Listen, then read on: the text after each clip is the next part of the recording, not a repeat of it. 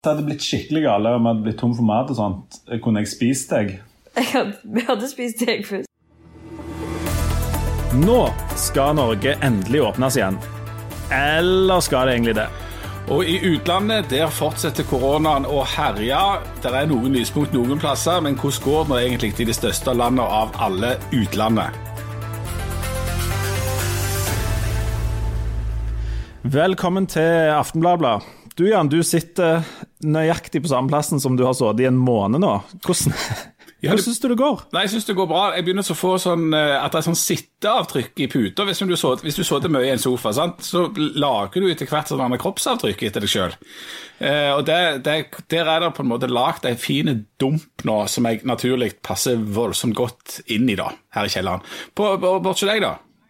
Nei, det, det er i ferd med å, å Det totale forfallet er i ferd med å komme inn nå, tror jeg. I går fant jeg et par eh, sokker som jeg hadde gjemt bak den ene stolen. For jeg hadde tatt de av meg, så tenkte jeg jeg kan jo bruke de samme sokkene i morgen. Så bare la jeg de bak en stol i stua. Ja. så når jeg sto opp og gikk opp, så tok, fant jeg de igjen, og så tok jeg de på meg. Ja. Så vi er på det nivået. Ja. Når vi snakker om forfall, så er det jo Vi må jo kunne være ærlige og si at du har en sånn frisyre som en mann som har gitt opp, eh, har. Ja. Altså, eh, du, på en måte så har du ikke noen frisyre. Du har bare noen døtre som går løs på deg, og en barbermaskin i, i ny og ne. Eh, eh, så, så du slipper jo unna dette problemet, da, for at, ja, du har gitt opp på mange måter. Mens jeg er jo en gammel langhåra Altså inni meg er jeg en langhåra heavyrocker fra Bryne. Eh, som jo har blitt voksen og må- måtte få meg en jobb og få, få tynnere hår, så jeg kan ikke ha sånn langt hår lenger. Men jeg skulle ha vært hos frisøren nå i forrige uke, men der er jeg ikke kommet. Eh, og, eh, og dette, dette er jo dette er en av de store tingene som Norge sliter med nå, altså at de, de har for langt hår. Og det er masse, masse, masse damer som sliter med såkalt ettervekst, som jeg ikke vet hva er. Eh, Men, eh, men det, det vokser iallfall på om det er ettervekst eller førvekst eller framvekst eller hva det er for noe. Jeg tror du, du, kan, du kan nok få et, et sete i foreningen til kona mi, da, for der snakker de kun om dette. Det store problemet nå er ettervekst. Men, men ellers så er det en del ting som går bra. Men jeg må ærlig innrømme at i går kveld, da fikk jeg for første gang eh, koronahammeren. Da kjente jeg at nå Nå er jeg lei. Og da, jeg- altså, jeg, jeg fikk helt sånn syre. Jeg er lei av å prøve å få kontakt med Norwegian for å få tilbake penger for flybilletter. Jeg er lei av å mangle hudlaget på hendene etter å ha sprita og vaska og sprita og vaska. Jeg er drittlei av sånne videomøter som dette her, der én fryser og Hører dere? Jeg, ser det ikke, jeg hører det. Men nå er lyden altså, Alt det der rotet der. Og så er jeg drittlei av at ting ikke virker som normalt. Og så er jeg enormt lei av å høre, sitte og høre på de der som sier 'Å, vi nyter det, vi bare holder på i hagen'. De der folka der, de kan brenne. Um, og så er jeg lei av å si til ungene at nei, vet ikke, akkurat det kan vi ikke gjøre. Og sorry, men nå må vi være hjemme. Og alt som vi skal i sommer, det er avlyst, og det skal erstattes med absolutt ingenting. Og jeg vet at dette er ilandsproblemer, men allikevel, ilandsproblemer er òg problemer, sist jeg sjekket. Og det er noe av det eh, fortærende med alle de problemene du lista opp der, det er at det er jo ikke noe eh, løsning på det akkurat i overkommelig framtid. Du Absolutt ingenting. så hvis du fikk syre i går kveld, så skal, du bli, skal det bli mye syre framover. Ja, og da, Jeg skulle gjerne bytte noen av mine problemer med dette problemet med ettervekst eller frisør, hvis jeg kunne bytte jevnt med det. Uh, men jeg tror ikke jeg er den eneste som har begynt å kjenne det litt. Jeg tror det er denne mangelen på normalitet. Altså, Folk har på en måte kommet litt inn i det, men det er mye vi savner. Og det der å gå trø oppå hverandre i heimen sånn, det det er ikke et prosjekt for uh, lange, lange perioder. jeg, tok med meg, jeg tok med meg en mikrofon og gikk og snakket litt med mine nære og kjære, som jeg for øvrig òg begynner å bli drittlei av mellom oss, uh, for å høre litt om hva de, hva, hva, som er, hva de rangerer som det største problemet Ja. når, når ting er som det er. Og der må jeg bare si, funnene der er sjokkerende, men helt entydige. Det er én ting de er drittlei av. Skal vi høre? Det må vi jammen meg høre på. Det blir spennende. Da gjør vi det. Da får dere en liten eh, en spørreundersøkelse hjemme hos Lindøs på hva de er mest lei av, av i forbindelse med koronaen. Vær så god. Ok, Da er klokka faktisk passert tolv, og jeg skal opp og si god natt til Lykke på elleve. Er du der? Ja. Hallo. Kan du legge deg? Ja. Du burde jo lagt deg for lenge siden. Du, er du lei av de koronagreiene? Ja, Hva da for? fordi det avlyser alt. Ja, hva mener du? Så avlyst? alle turene er avlyst, og alle aktivitetene som jeg går på. Hva for noen turer er det som er avlyst? Til Danmark, til Kroatia og til London. Du skulle på tre turer Ja. bare nå? Mhm. okay, hva annet er det som er avlyst, da? Dansen og koret. Så det er ingenting som virker lenger? Nei. Du, hva eh, Nå er det jo masse nye regler som vi må forholde oss til hele tida. sant? Hva for noen av de syns du er kjipest? At vi ikke kan være inne hos hverandre. Hos venner og, eller familie, eller sånn? Begge deler. Ok.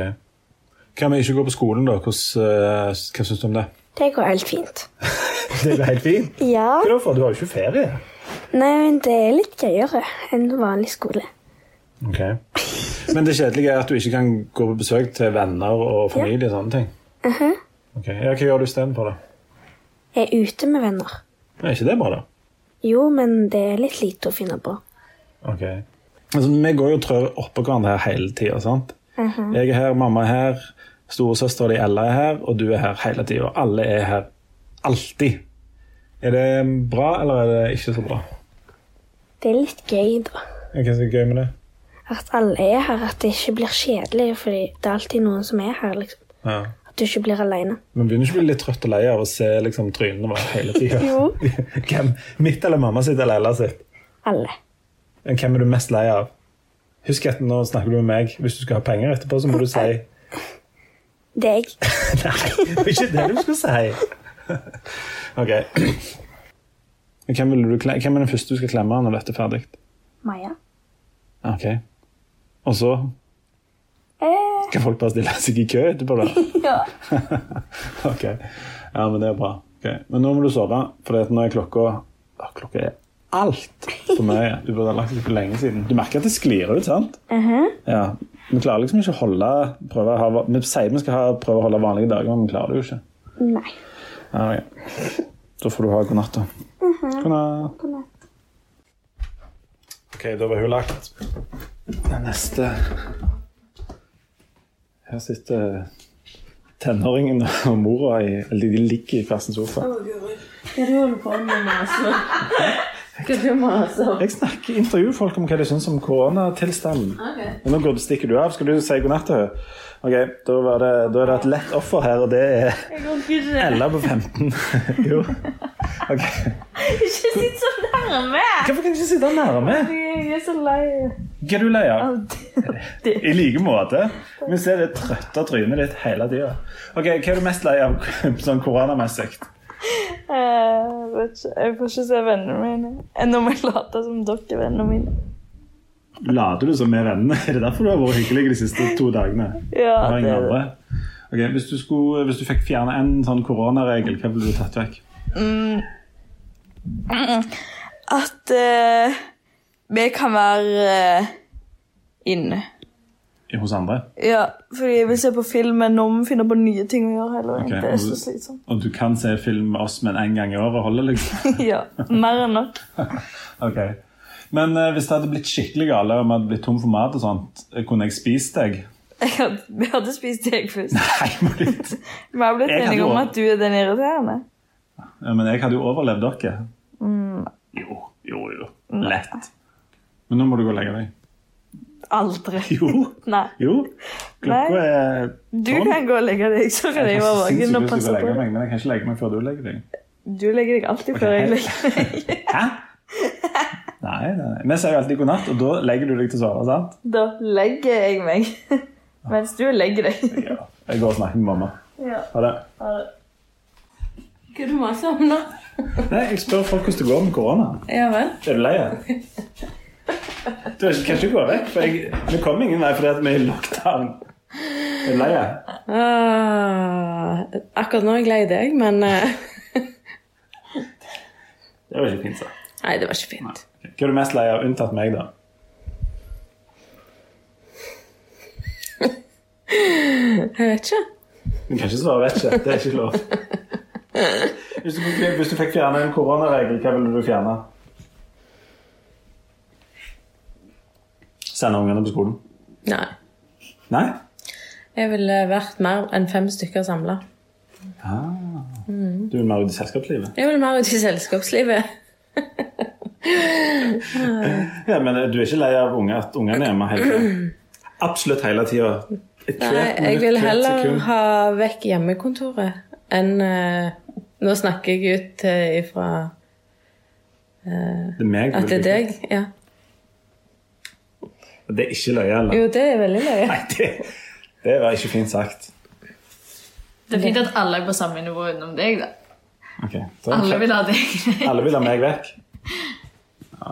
Da kan dere bare ha det så godt. Da går jeg heller og jobber litt. Ja, snakkes. Ha det. Ja, så der Ja, du, Leif Tore. Det var, det var det var kanskje Jeg vet ikke om jeg skal si at det var overraskende eller ikke. overraskende. Nå er sånn at Vi har jo med oss et par gjester her. da, altså Harald Birkevold, kommentator, og Arling Olsson, som jobber mye med sånn utenriksjournalistikk. Det som jo kjennetegner denne perioden, at vi slipper jo å være i lag med Leif Tore Linde. Hvordan rangerer dere det i blant problem og løsninger og happy times? Nei, hvis jeg hadde trodd på Gud, så skulle jeg takket han hver dag. Jeg, jeg gjør òg det. altså Når jeg spretter ut av sengen eh, og kvitrer som en lerke om morgenen, så er det en av de første tankene som slår meg, det er at dette er enda en dag hvor jeg ikke trenger å, å, å se Leif Tore Lindø. Eh, og da, da, da tenker jeg at ja, ja, det går, det går på et vis, dette her òg. Nei, og hvem, det hvem trenger vel skikkelige fiender når vi har venner som, eh, som dere? Du Harald, du sliter jo òg med en del sånne stengte ting. For du starta jo i, en, eh, i, i voksen alder, du nærmer deg jo 70.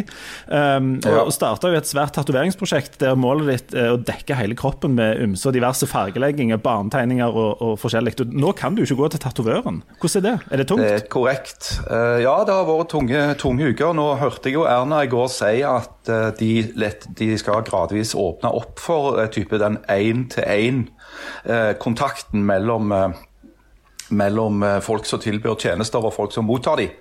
Altså, det betyr, det betyr Ja, hvem ikke det du hva- tenker på. Hva slags tilbud er det du Det betyr går ikke det du tenker på nå, men f.eks. frisører, massører, Ah. kiropraktorer, tatovører, sånne folk. Hva er det første du kommer til å tatovere når det åpner igjen? Altså, Det er jo fristende å tatovere et, eh, et koronavirus, selvfølgelig. eh, som et minne om denne perioden vi alle har, har gått gjennom. Og som vi selvfølgelig kommer til å snakke om til barnebarn og oldebarn spyr når de blir gamle nok til å høre hva vi sier. Eh, for det at eh, jeg, har jo, jeg tilhører jo den generasjonen som har foreldre som var bitte små barn under krigen. Og herregud, så de tyder om den krigen. Ikke sant? Hva tror du vi kommer til å tyde om når vi sitter der eh, og kokkelurer? lure. Når vi er oppe i den alderen? Det er jo den korona, koronaen. Men altså, annenhver bok som kommer ut i, i verden og Ja. Norge, handler jo om krigen. Jeg er veldig alle. spent på om 70 år Absolutt alle. Ja. Ja, det er jo en voldsom interesse for krigen nå, til og med 70 år etterpå. Det er jo eh, 70- og Ja, ja. 75-årsjubileum nå.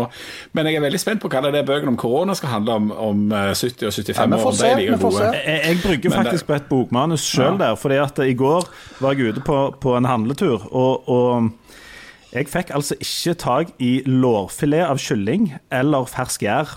Uh, og jeg, her, jeg tror det kan bli mange bind som handler om dette. Ja, ja, ja.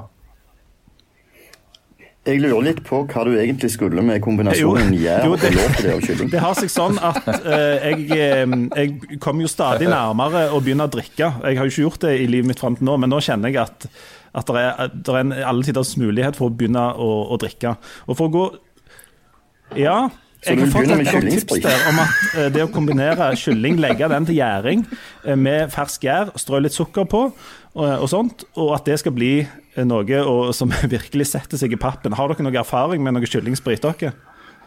Kykkeliky. Jeg tror det vil sette seg andre steder enn pappen.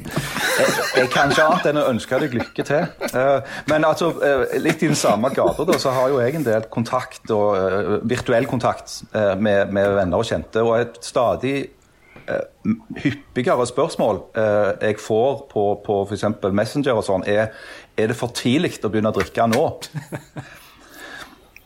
Nei. Og da er alltid svaret nei. nei. Ja.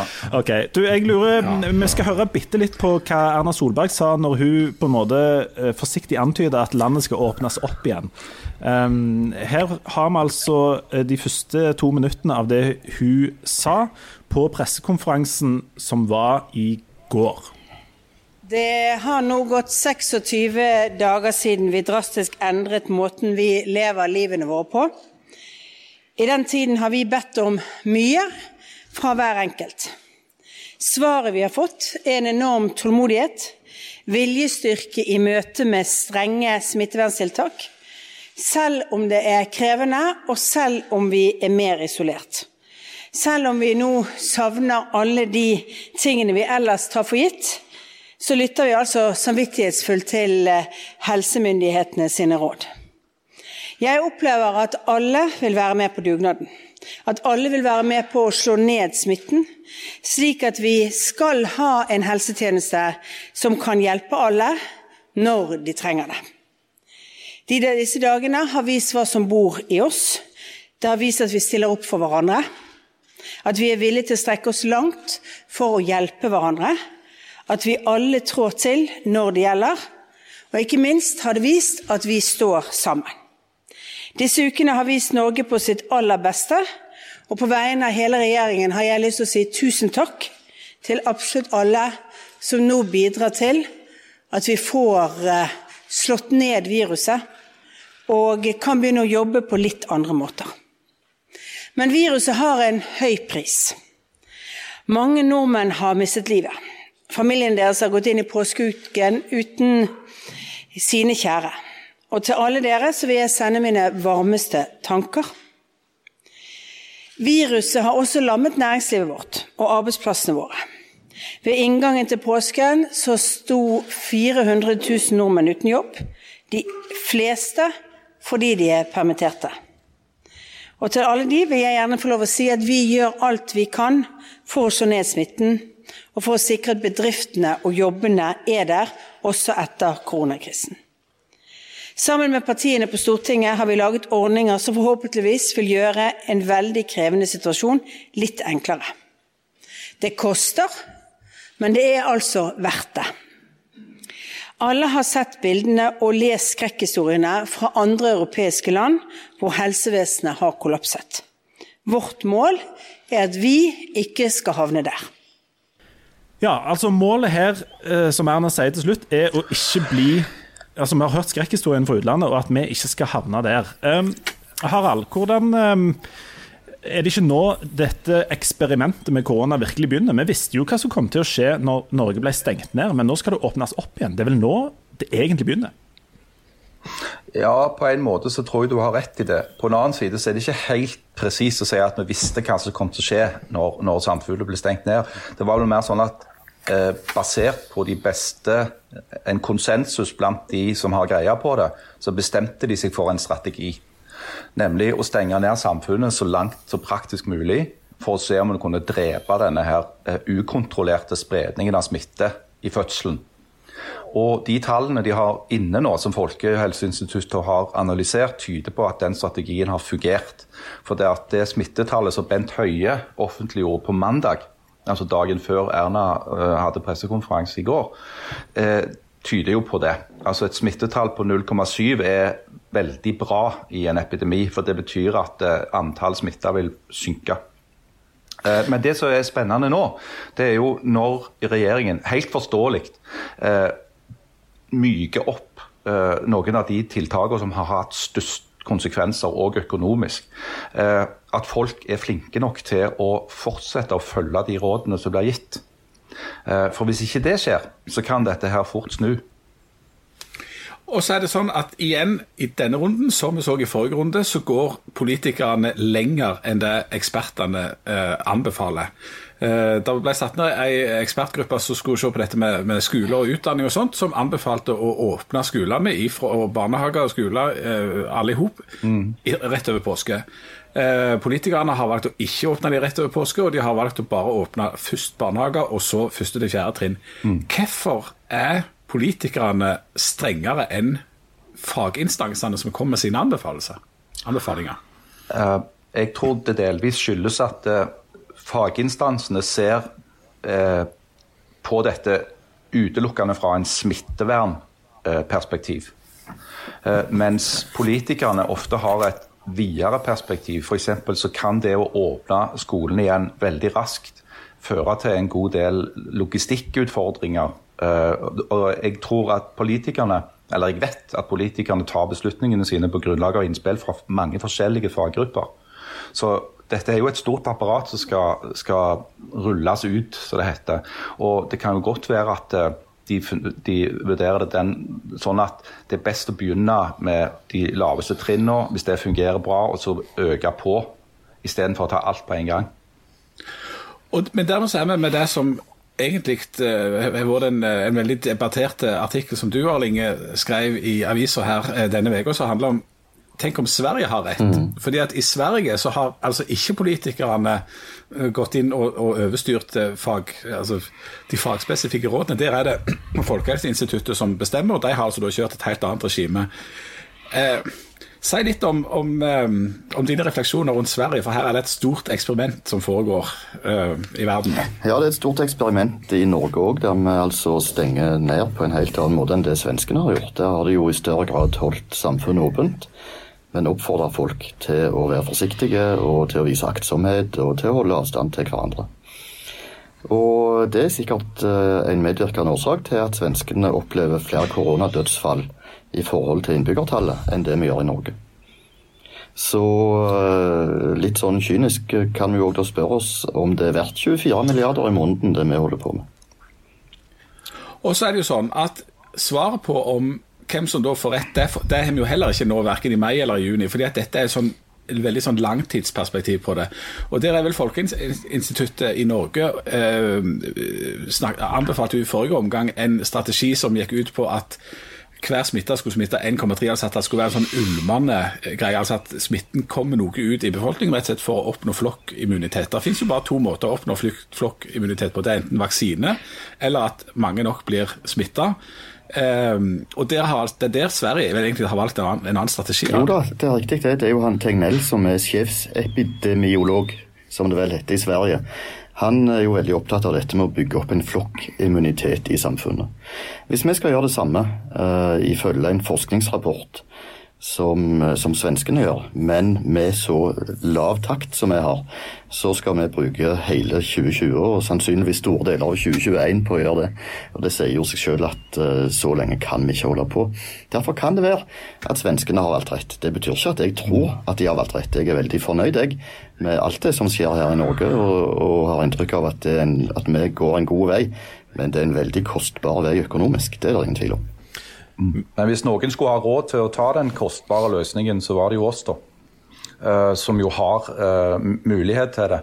Uh, uten at jeg skal påstå at jeg kan noe som helst om smittevern, for det kan jeg ikke, så er det iallfall en refleksjon det går an å gjøre seg at den svenske løsningen er ganske kyniske. Altså Han innebærer at de godtar at en god del mennesker kommer til å dø. Uh, og jeg har vært litt sånn forundra over at det har ikke vært større folkelige motstand i Sverige mot akkurat det. Ja, Svenskene er jo veldig lydige. Derfor er det kanskje enklere å gjøre dette i Sverige òg, enn det ville vært i Norge og kanskje òg i Danmark. Men vi kan jo spørre oss sjøl, uh, hvis vi bare ser på tallene, uh, hvor mange hundre tusen ungdommer skal styrtes ut i arbeidsledighet for at noen som er 88 skal få lov å bli 88 15? Ja. ja, der sa du det.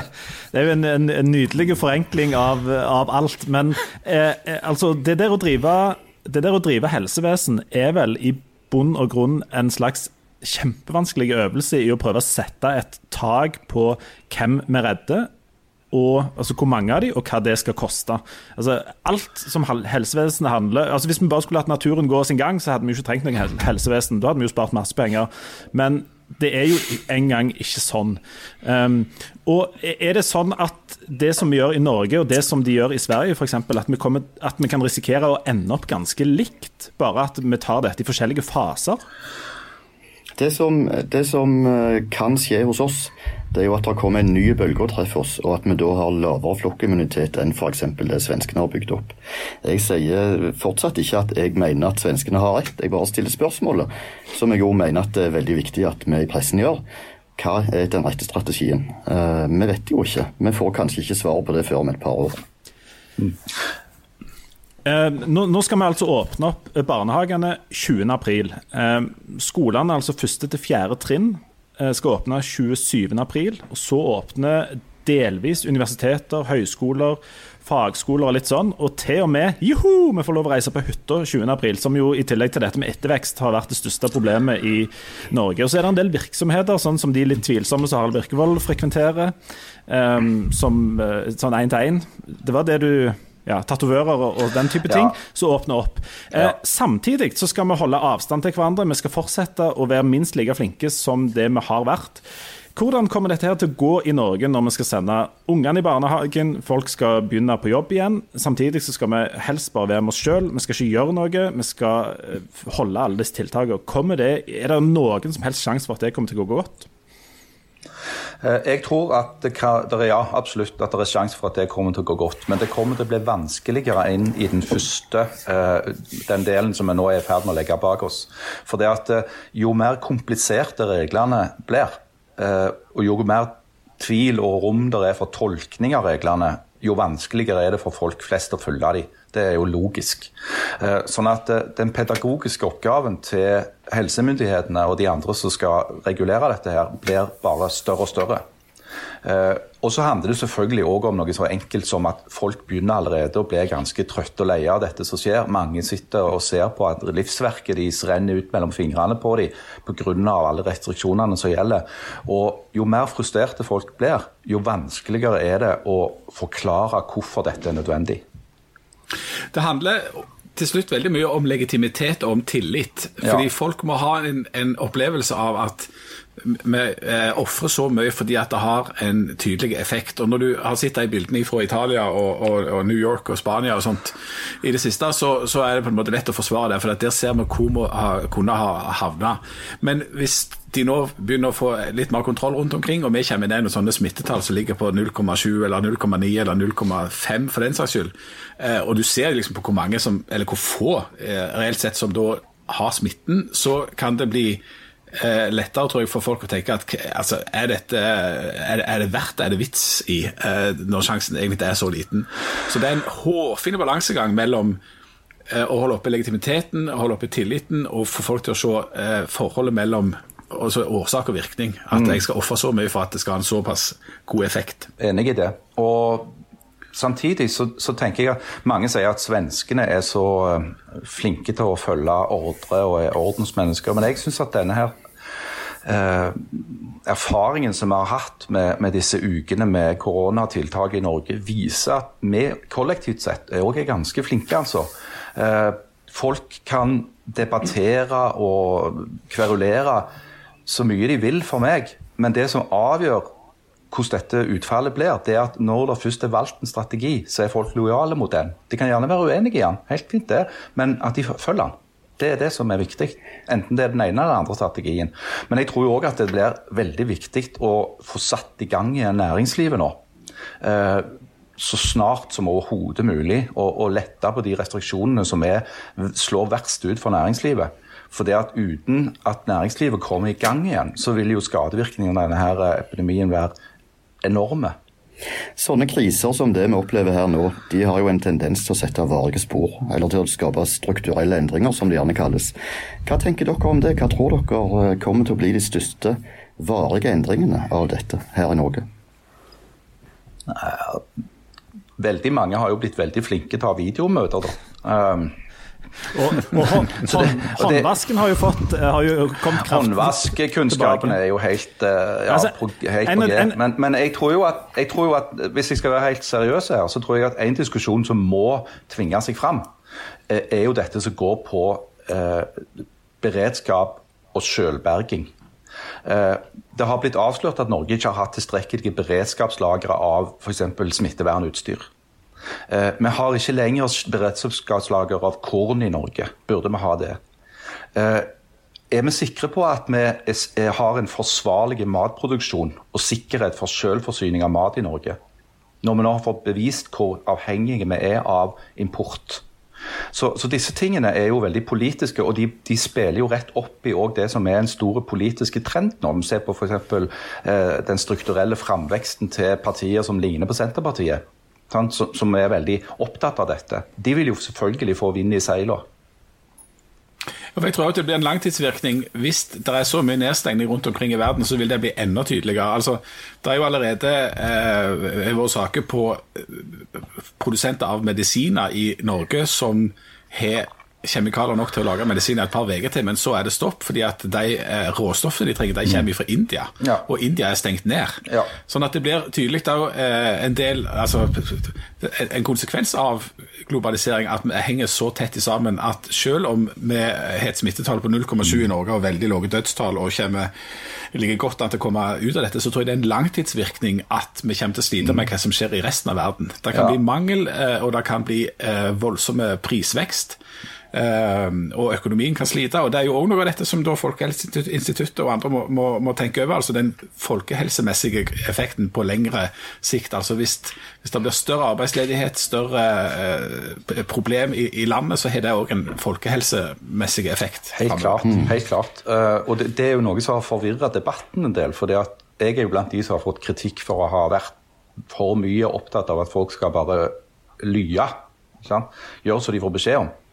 Eh, og, men det er når jeg ser på det fra, et rent smittevernsperspektiv. Så er det selvfølgelig helt legitimt å trekke inn f.eks. at smittevern og økonomi må ses i en sammenheng. Eh, sånn som f.eks. Eh, ble gjort i den, den, kronikken som Ola Kvaløy skrev for to uker siden, hvor han så på hva er de vanlige feilene som blir gjort i krisesituasjoner. Ja. Uh, og det, det, er en veldig interessant debatt, men den handler jo ikke spesifikt om smittevern. Den handler om, om det mer samfunnsøkonomiske perspektivet på dette her. Uh, og da er vi jo litt tilbake til det som Arild nevner òg. at uh, altså, Helsevesenet sitter jo og tar sånne valg hele tiden, uavhengig av om det er en koronaepidemi. De velger hver dag hvem som skal leve og hvem som skal dø. Leger gjør det. Sykepleiere gjør det.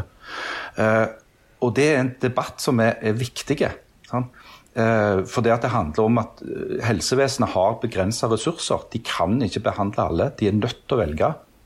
Men det som vi skal unngå i en epidemi, er jo at de blir overbelasta med sånne valg. Samtidig... Som du har sett skrekkeksempler på i utlandet. ikke sant? Ja, og Samtidig så handler jo dette om i andre tider. F.eks. skal vi la noen få en veldig kostbar kreftmedisin som vil forlenge livet deres, som vil gi dem høyere livskvalitet osv.